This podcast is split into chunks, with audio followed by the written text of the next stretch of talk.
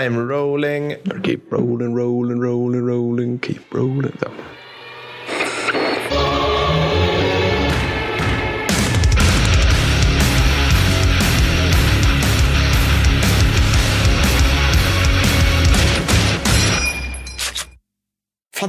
Fantastiska arbetsgivare, välkomna till detta avsnitt. Hörni, det här är alltså Martin Fornstedts avsnitt. Mattis, är du med på det? Det är Martin Ja, Fornstedts ja, det avsnitt. är helt, helt uppfattat. Martin är så extremt förtjänstfull så han har nämligen varit Patreon på Gurra 2-nivån i minst sex månader. Ergo så får han här sitt alldeles egna specialavsnitt. Är inte det lite finurligt? Så att vi- vi vill liksom ge så jäkla mycket tillbaka till dig Martin. Och alla ni andra som får lyssna på det här, det är bara grattis. Det är bara att hålla i er. För att idag ska vi prata om Herman fucking Balk. Jag vet inte varför vi inte har pratat mer om Herman tidigare Mattis. Vad har vi sett i vårt försvar? Det är ingenting egentligen. Det här borde ju egentligen vara ett fyra timmars avsnitt, men det kommer det inte bli. Men, men det Nej. finns mycket att säga om den här Ja. mannen. Och jag, jag tänker vi kan ju börja med en liten presentation. Ja, får jag bara säga så här. Martin, eh, en eh, shout-out till dig Niklas, Martins bror, som också lyssnar på KHP. KHP. Jag har aldrig sagt KHP. jag har skrivit KHP. Det, det, det känns ser mycket bättre ut i skriven form. Ja, Det är än att säga det. Min fru sa någon gång att det, det låter för jävligt Det när låter- du säger KHP. Ja. KHP. Ja, nej. KHP. KHP. Ja, det, Det är så dåligt genomtänkt myndighetsförkortning. Ja. Okej, det ska jag aldrig någonsin mer säga. Förlåt, vi nu klipper vi bort allt det. Klipp bort det och lägg in ki- ki- krigshistoriepodden istället. Precis. Herman Balk. Ja, Herman Balk. Vem var han? En kort presentation av honom det är att eh, han har blivit kallad för den bästa generalen under andra världskriget som ingen har hört talas om. Mm. Och det ligger lite i det, för han är ju inte alls lika känd som typ så här, Rommel eller Patton eller liknande. Och sånt men älskar vi, för det är väldigt hipstrigt såklart. Det är det. ja, det, är mm, det. Alla fulla poäng. Men, men han är så inåt helvete kompetent officer. Det är så löjligt. Han slutar första världskriget med att efter att ha stridit på typ alla fronter som kompanichef med ett järnkors i första klassen i bagaget. Det var det många som fick. Men han blev även nominerad Pour le Mérite. Men han fick inte det för att eh, kriget hann ta slut innan det kunde gå igenom. Och då försvann det för kejsardömet. Så, så kan det ju gå. Men sen, sen börjar han andra världskriget som pansarregementschef och sen blir han divisionschef 42, slutar kriget som armé och armégruppschef. Alltså det, det är en ganska bra karriär han gör under kriget om man säger så. Och han är alltså en av 27 pers i Tyskland under kriget som tillhör till deras riddarkors med eklöv, svärd och diamanter. Just det. Så att det, det är liksom, han, han har en, en ganska dig, ett ganska digert CV och egentligen orsaken till att han inte är så känd är förmodligen att han stred mest på östfronten. Alltså han stred även en del i väst, men framförallt på, i öster. Så, så att det handlar nog mycket om det. Och då har, då har inte brittiska och amerikanska författare skrivit om honom. Det är ju så Nej, enkelt. men alltså, det, är det har ju liksom- sagts det att, alltså, att må- må- många, det, det, att det Rommel är så känd och så bara, oh, ökenräven, vilket ja. geni. Det är bara, jo men för att han, han utplånade britter. Alltså Ja, det är det som är grejen. Ja. Alltså, så britterna bara, han måste ha varit ett geni, för Ja. annars hade inte vi förlorat. Under tiden på östfronten och de lite, ja nej men han är väl bra. Ja, precis. Men vi är också liksom, Model, Manstein, Balk. Ja, precis. ja, det här är fantastiskt. Vi ska väl kasta oss in i hans mest kända slag relativt Ja. snabbt. Jag, jag tänkte, jag ska försöka förklara vad, vad, hur läget är. Okej, vi befinner oss på södra delen av östfronten. Det här är, det här är slutet på 43, 1943. Förlåt, 1942, klippa allting. Eh, spoiler, bedömt svårartad bajsmackenivå för tyskarna på det här läget. Ja, Varför då? Ja, eh, sjätte armén är inringad i Stalingrad. De typ äter varandra, slåss med tegelstenar, jagar råttor och såna här saker. Adde bara, in ett steg bakåt. Istället för att göra det logiska och bryta er ur ska ni som är utanför bryta er in i inringningen. Så att helst fler blir inneslutna. så att, så att det, det är väl liksom tanken här nu, efter att det gått bra för tyskarna, liksom, typ fram till då, så ska man dumpa det här med uppdragstaktisk manöverkrigföring, alltså det som levererat alla, jag repeterar alla segrar för tyskarna hittills i VK2 och göra någonting som gick så där i VK1, det vill säga bita sig fast. Okej, det. och nu, eh, nu blir det riktigt jävla kvalificerad poddlyssna, podd, poddmakeri här, för nu ska vi, dags för en beskrivning av en karta i en podd. Det här, är, det här Mattis, är precis det som ljudmedium är gjorda för. Ja, ja. Okej. Tänk er nu här. Tänk er nu, alla vet att Stalingrad ligger vid Volga som är en bred jävla flod. Det är framförallt norr om, Vol- norr om Volga som ryssarna har tagit sig över. Men de har också drivit ut dem liksom, alltså runt så att de, de försöker cirk, liksom innesluta hela, hela Stalingrad nu. Och det, det har de framför allt gjort genom att driva de, de, liksom, de här Åsa-Nisse-kompetenta utfyllnadsaxelmakterna åt helvete. Det vill säga italienarna, rumänerna och ungrarna. Så Alla de flyr hals över huvud. Ja. Och de flyr bland annat söderut och lite sydväst. Och här ska och grejen är den att strax söder om Stalingrad, där går en biflod ut ifrån en Volga som heter Don. Och Don går liksom bara typ överallt i små, små floder. Men framförallt så, så mynnar den ut i, i en sjö. Eller det, är liksom, det är en del av floden, men den är så inåt helvete bred. Vad ska man kunna kalla det? det tänker, ja, det, blir en, det blir som en sjö. Det är en sjö i alla praktiska avseenden. Och den sjöns södraste spets ligger typ, jag skulle säga 25 mil ungefär, max, ja, 20 mil från Svarta havet. Så man tar Volga, Dons sjö och då Svarta havet så är det alltså en kanaliserande jävla terräng ner till Kaukasus. För söder om det här ligger Kaukasus, norr om det här ligger resten av Ryssland. Och tyskarna har slagit sig ner mot Kaukasus. Men om ryssarna tar den här lilla 25 mils plätt, alltså snutten och spärrar av den, slår igen dörren, då är det fucking kört. Ja, då är det väldigt stora förband som blir inringade Oh, ja, alltså det är, det är extremt så här. Så att, tänk er det här nu. Och det, det som händer nu, det är att det, det är december 42. Balk har liksom varit med sin 11 pansardivision sedan maj ungefär. Nu har han fått i uppgift att liksom på vägen, liksom på ryssarnas marschväg ner för att stänga dörren här ner, ner mot Kaukasus, så har han fått uppgiften att stödja en ensam tysk infanteridivision i en av de högra numren, typ 336 eller något sånt där. Längs floden Kir. Och nu, Kir kan ni lägga på minnet, för det är det man liksom man säger så här att han slåss för den här Kir som en liten pytteutbrytarflod där. Han ska hålla där, typ, och hjälpa till, medans fjärde pansararmén och 48 pansarkåren ska ansluta sig till varandra och, är ett, och hans högsta chef är Manstein, för att så han, Manstein har värsta planen här. Hur ska den, och så ska de sammansluta där och så ska vi spöa ryssarna norr om oss. Men Balk ramlar in där och han har, han har underutrust, eller han är då, relativt dåligt utrustade tyska infanterisoldater som ligger på alldeles för bred linje. Ja. Hans division kommer, och det här kommer ge alla officerare, taxiofficerare ute magsår nu. Hans division kommer pö om pö in i området. Perfekt. För det här med koncentrerat anfall är liksom det som är pansarstyrkornas grej. exakt, precis. Ja. Han- och han har liksom flyende italienare, rumäner och ungrare som bara, så han står liksom mitt i kaoset där. Mm. Och då får han höra att den sovjetiska femte stridsvagnsarmén armén har liksom Ja, kört på. Så de, De är, är här nu. De är här nu. Okej, så då, då Jag ska också tillägga så här också att en tysk pansardivision vintern 42-43, jag har för mig att de har typ så här, så här, strax över hälften av sina vagnar operativa. Oh, alltså ja. för att det, det är så mycket maskin, maskinproblem och vinter och helvete. Liksom. Och Så de, hade, de har för få vagnar förmodligen. och, då, och då ska vi prata om typ vad de ska ha. Så ha det i minnet. Nu blir det nästan lite per räknar här. Vi får se. Just det här med siffror. Det här är svinhög siffra för stridsvagnar. Här blir arg och irriterad. Hur mycket många stridsvagnar? 3000. 2,9 respektive 3,8 miljoner man. 13 000 T72 i Östtyskland. Vad hade Balk att leka med? Jo, vid full uppfyllnad som du var inne på Mattis, så har jag hittat att man, han skulle, hans 11 pansardivision skulle ha 106 stycken pansartreor. Vilka, så här, om Gud ville och vädret tillät i nedförsbacke och nybajsade, kanske kunde slå ut en T34 från sidan. Ja, med ja. sin korta 5 centimeters pjäs liksom. Ja. Sen hade han då 30 stycken pansarfyror. Jag sa pansartreor förra va, hoppas jag. Ja, det gjorde ja, ja, Ja. tack, tack. De var, kunde verka. ja, men det kan de, men på ganska korta avstånd. Ja, precis. De har en 75 och den är Ja. liksom... Ja, den är kort. den är kort. Okej, så att det är 30, 30 stycken pansarfyror vid full uppfyllnad. Det är inte det nu. Så, så, håll 30 så här. Fienden då? Ja, mm. Balk var i numerärt underläge ungefär 11 till 1 i infanteri, Just det. 7 till 1 i stridsvagnar, 20 till 1 i PV-pjäser.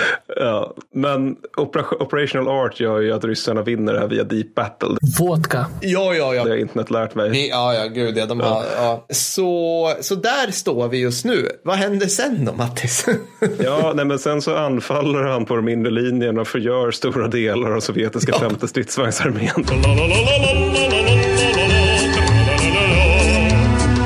det är ungefär det som händer. Men, men så det, det, är ju en exceptionell seger får man säga. Mm. Och uh, så, så, här, jag, jag, jag, kommer egentligen inte upprätthålla mig så mycket mer med Shir för att jag, tänkte mer, jag tycker mer att det är intressanta med, med Balk efter din utmärkta mm. genomgång över de lite motiga förutsättningar som leder till hans absolut största seger. Mm. Som han skriver där i sina memoarer. Jag visste inte själv när mina soldater sov. Nej. för att de, de åker bara runt liksom och ja. håller på bara så angriper olika sovjetiska kårer. Där, mm. liksom, bara, vi är nere på ett regemente nu, ja men vi ska anfalla en kår. äh, men, men det som jag tycker är väldigt intressant med Balk är att han är på något sätt nästan idealtypen av en tysk officer. Och med mm. idealtyp menar jag att han är liksom på något sätt allt som en tysk officer var. The good, the bad, the ugly.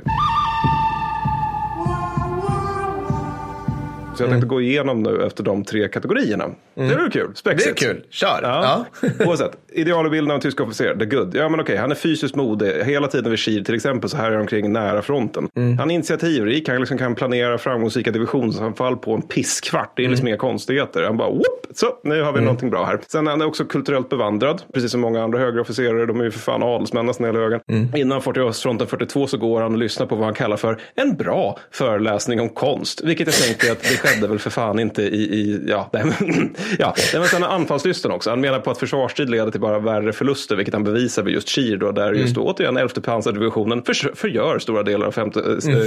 äh, sovjetiska stridsvagnsarmén. Han är dessutom bra med truppen, han arbetar hårt för att få inringade soldater att räddas och liksom ser till att de har hela tiden livets nödtorft i form av mat och vinterutrustning där. Han är flitig, han undrar liksom när sover mina soldater? Ja, man kan också fråga sig när fan sover Balk? Mm. Han gör mm. inte vid Kir i varje fall under typ mm. åtta dygn. Han har också respekt för fienden. I sina memoarer så talar han återkommande om rysk heroism, mm. vilket är långt ifrån alla tyska generaler som gör. Som ganska många dem beskriver dem mer som en så här stor myrstack liksom, mm. som är ute och vandrar fast med vapen. Han har också en viss med medmänsklighet får man säga. Alltså, en av de två krigsbrott, vilket är nota bene ytterst få för att vara en mm. tysk general under andra mm. världskriget, som han åtas för är staden Gardamers, det är i Frankrike, utplåning 1944. Men innan så sker, innan de hade sönder den staden, mm. då så evakuerade han alla civila västerut. Så att de inte blev slavarbetare i Tyskland, utan västerut så att de kunde bli omhändertagna av amerikanerna. Han förbjuder dessutom sitt artilleri att beskjuta staden i 48 timmar. Och slutligen, han ofta kritisk mot Hitler. Ja. I militära frågor. Mm. Och nu kommer vi då till, till the bad, vilket också är idealbilden av en tysk officer. The bad med en, mm. med en tysk officer under andra världskriget. Ja, det är att den här trohetseden till uh,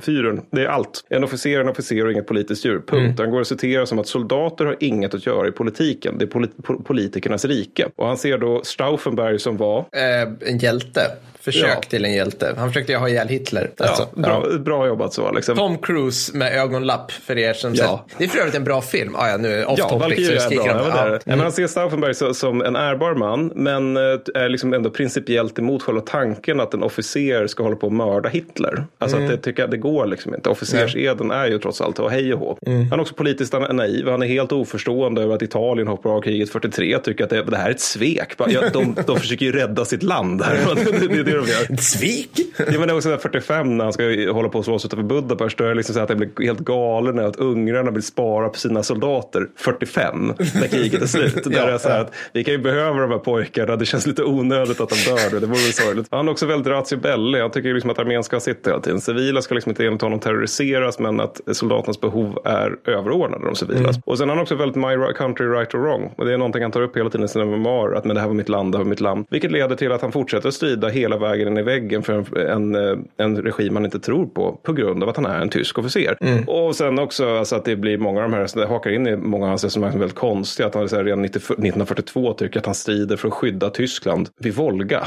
Aha. Ja, ja. Det, ja mm. det är lite konstigt. Det är lite konstigt. Men så har vi idealbilden av en tysk officer, the ugly. Och det är att han kan inte, för nu har jag köttat igenom hans memoarer mm. för den här podden. Då, och alltså han, det är så intressant där, han kan inte förlika sig med att den här tyska armén och nazismens brott går hand i hand. Nej, okay. För det så var det vad ska mm. jag säga? Det, det mm. var bara så det var. Han påstår sig liksom genomgående de två gånger han ens tar upp det här med förintelsen så i den boken som är mm. typ 500 sidor att det här är någonting jag var helt okunnig om. Det var typ vaga rykten och då Ja, om man ska vara helt så här jättepetig. Kommissarieorden och förintelsen är båda företeelser som tyska armén deltog i. Och mm. att man som tysk general på östfronten inte skulle känna till det här, det tror inte jag på. Det skulle Nej. jag säga rakt av med lögn. Det är så det funkar nämligen. Och han tenderar dessutom på krigsbrott att, att i sina memoarer betona sovjetiska krigsbrott och typ inte nämna tyska trots att de var, alltså, för, i varje fall i Sovjetunionen betydligt vanligare. Mm, mm. Och allt det ovan är liksom i linje med hur tyska generaler generellt beskriver kriget efter efteråt. Mm. Så att han är, han är liksom just så. Alltså att han är väldigt typisk för idealbilden av en tysk general, warts and all. Och då är frågan mm. då om man tar honom som person, var han då good, bad eller ugly? Alltså det är tydligt att han var good till så mått att han var oerhört skicklig general, mm. en av andra världskrigets förmodligen främsta. Och också moraliskt en av de bättre ty tyska generalerna, vilket i och för sig är liksom ganska låg ribba. Så. Alltså han åtalas för två krigsbrott, dels det här med förintelsen att han den staden, då, ja. byggnaderna. Och sen dels en summarisk avrättning av en artilleriofficer som var full i tjänsten, vilket ledde mm. till att han inte hade koll på sina pjäser. Men och det där sistnämnda kan jag känna lite grann att ja, fast det skulle vara ganska många ja, arméer ha gjort. Liksom. det, det liksom. för att det riskerar egen trupps liv sådär. Ja. Men samtidigt med det sagt så är han också oförmögen att erkänna för andra och kanske själv vad det var han faktiskt stred för. Mm. Och en hint på att han ändå har lite självinsikt om det här jävla mörkret, det är brevet från Hans Falkenstein. Och det här har inte jag berättat för dig tidigare. Nej. Men grejen är alltså att, och det här kommer att dra över med precis två minuter tror jag, men det får det vara värt för det här är, det här är väldigt intressant. Falkenstein var judisk börd och han stred tillsammans med Balk i samma skyttekompani under första världskriget. Sen flyr han till Australien under mellankrigstiden. Mm. Mm. Sen julen 1968 så skriver Falkenstein till Balk. Mm. Återigen, julen 1968, kriget är vid det här laget väldigt mycket över. Mm. han gratulerar, det är väldigt artigt brev. Han gratulerar Balk liksom för framgångarna då, alltså att det har gått bra för dig i kriget sådär. Men, men sen har han skrivit en stund och så skriver han då, jag har en fråga till er, jag citerar, jag har en fråga till er, trots att jag inte vet huruvida ni vill besvara den. Jag har aldrig förstått hur rakryggade män i ledande positioner kunde ha tillåtit brotten i Auschwitz att ske utan att själva förskräckas av dem eller till och med försökt hejda dem. Hur är detta möjligt? Jag förlorade en stor del av min familj där. Var vänlig ta inte denna fråga på fel sätt. Jag är glad över att ha återupprättat kontakten med er och skulle tycka att det var trevligt att höra av er igen. Tills vidare, de bästa hälsningar från en gammal frontkamrat. Slut citat. Det här brevet det finns som alltså, appendix 6 i Balks memoarer. Helt okommenterat. Det finns Spännande. ingen kommentar här. Det, men det, det, det, enda vi vet är att Balk och Falkenstein brevväxlar med varandra till åtminstone 1977. Oh, jäklar. Jag har ingen aning om vad de skrev. Nej. Men är det här intressant du någonsin har hört? Alltså, eh, verkligen. Eller liksom man skulle vilja se hela den, man skulle vilja se hela den brevväxlingen för guds skull. Ja, visst. Alltså just, just bara, hur, hur utvecklas en människas Ja men precis. Alltså för, för vid det laget så har det ju liksom, alltså det här är den mörkaste tiden i mänsklighetens historia. Alltså mm. nazism är ju synonymt med ondska mm. på det här viset. Du har tjänat ondskan. Hur mm. ställer du dig till det? Mm. Och, liksom, och här har du någon som du faktiskt känner så att det är inte abstrakta siffror Nej. för dig heller. Liksom. Nej, och också att här, varför har du med det här i din memoarer? Är det för att du vill visa att ja, men jag har minsann kompisar som har judisk börd? Eller är det för att antyda att jag vet ändå någonstans inom mig att det här ändå var ett väldigt, en väldigt, väldigt ond sak jag stred för. Mm. För det återigen, det är helt okommenterat. Mm. Ja, ja, det kanske var att han bara, jag kan inte, jag kan inte kommentera det, det är för nära eller det är för... Ja. Men jag, har, jag väljer att ta med det. Ja, jag, jag vet inte. Men spännande, alltså just den typen av insikt känns det ju inte som att man kunde bjuda. Alltså att det inte var så många som gick igenom den insikten. Nej. Balk är ju för övrigt, alltså nu är vi inne på liksom historisk, alltså historieskrivningen, som vi ska prata om i, i kommande avsnitt, men just att han tillhör en av de här, den här sviten av memoarer som är liksom de här, man anser att det är de här tillrättalagda tyska generalsmemoarerna från andra mm. världskriget som alla kom där 60-70-talet mm. liksom. Och sen nu då så kom det en motreaktion på dem sen, men ni tar inte upp typ alla krigsbrott, ja, mm. und so weiter. Så att han, han har liksom klumpats ihop där, men uh, ja. Intressant karaktär. I like that shit. Ja. Och det var Herman Balk. det var fucking Herman Balk. Vill du också som lyssnar på det här peka med hela knivhanden vad jag och Matti ska göra ett expressavsnitt om? Uppgradera dig bums och bli en ärorik del av den lilla utvalda skaran. Ättlingar till Snöstorm och Frost som utgör Gustav den andra Adolf livvaktstyrka. Martin Fornstedt, jag hoppas du är jättenöjd med ditt avsnitt. Tack. Tack. Från hela vårt hjärta för ja. att du är Patreon. Fantastiskt Och kul. även från vår njure. Ja, absolut. Det också. Bra, vi hörs sen. Ha det bra. Hej då. Hej då.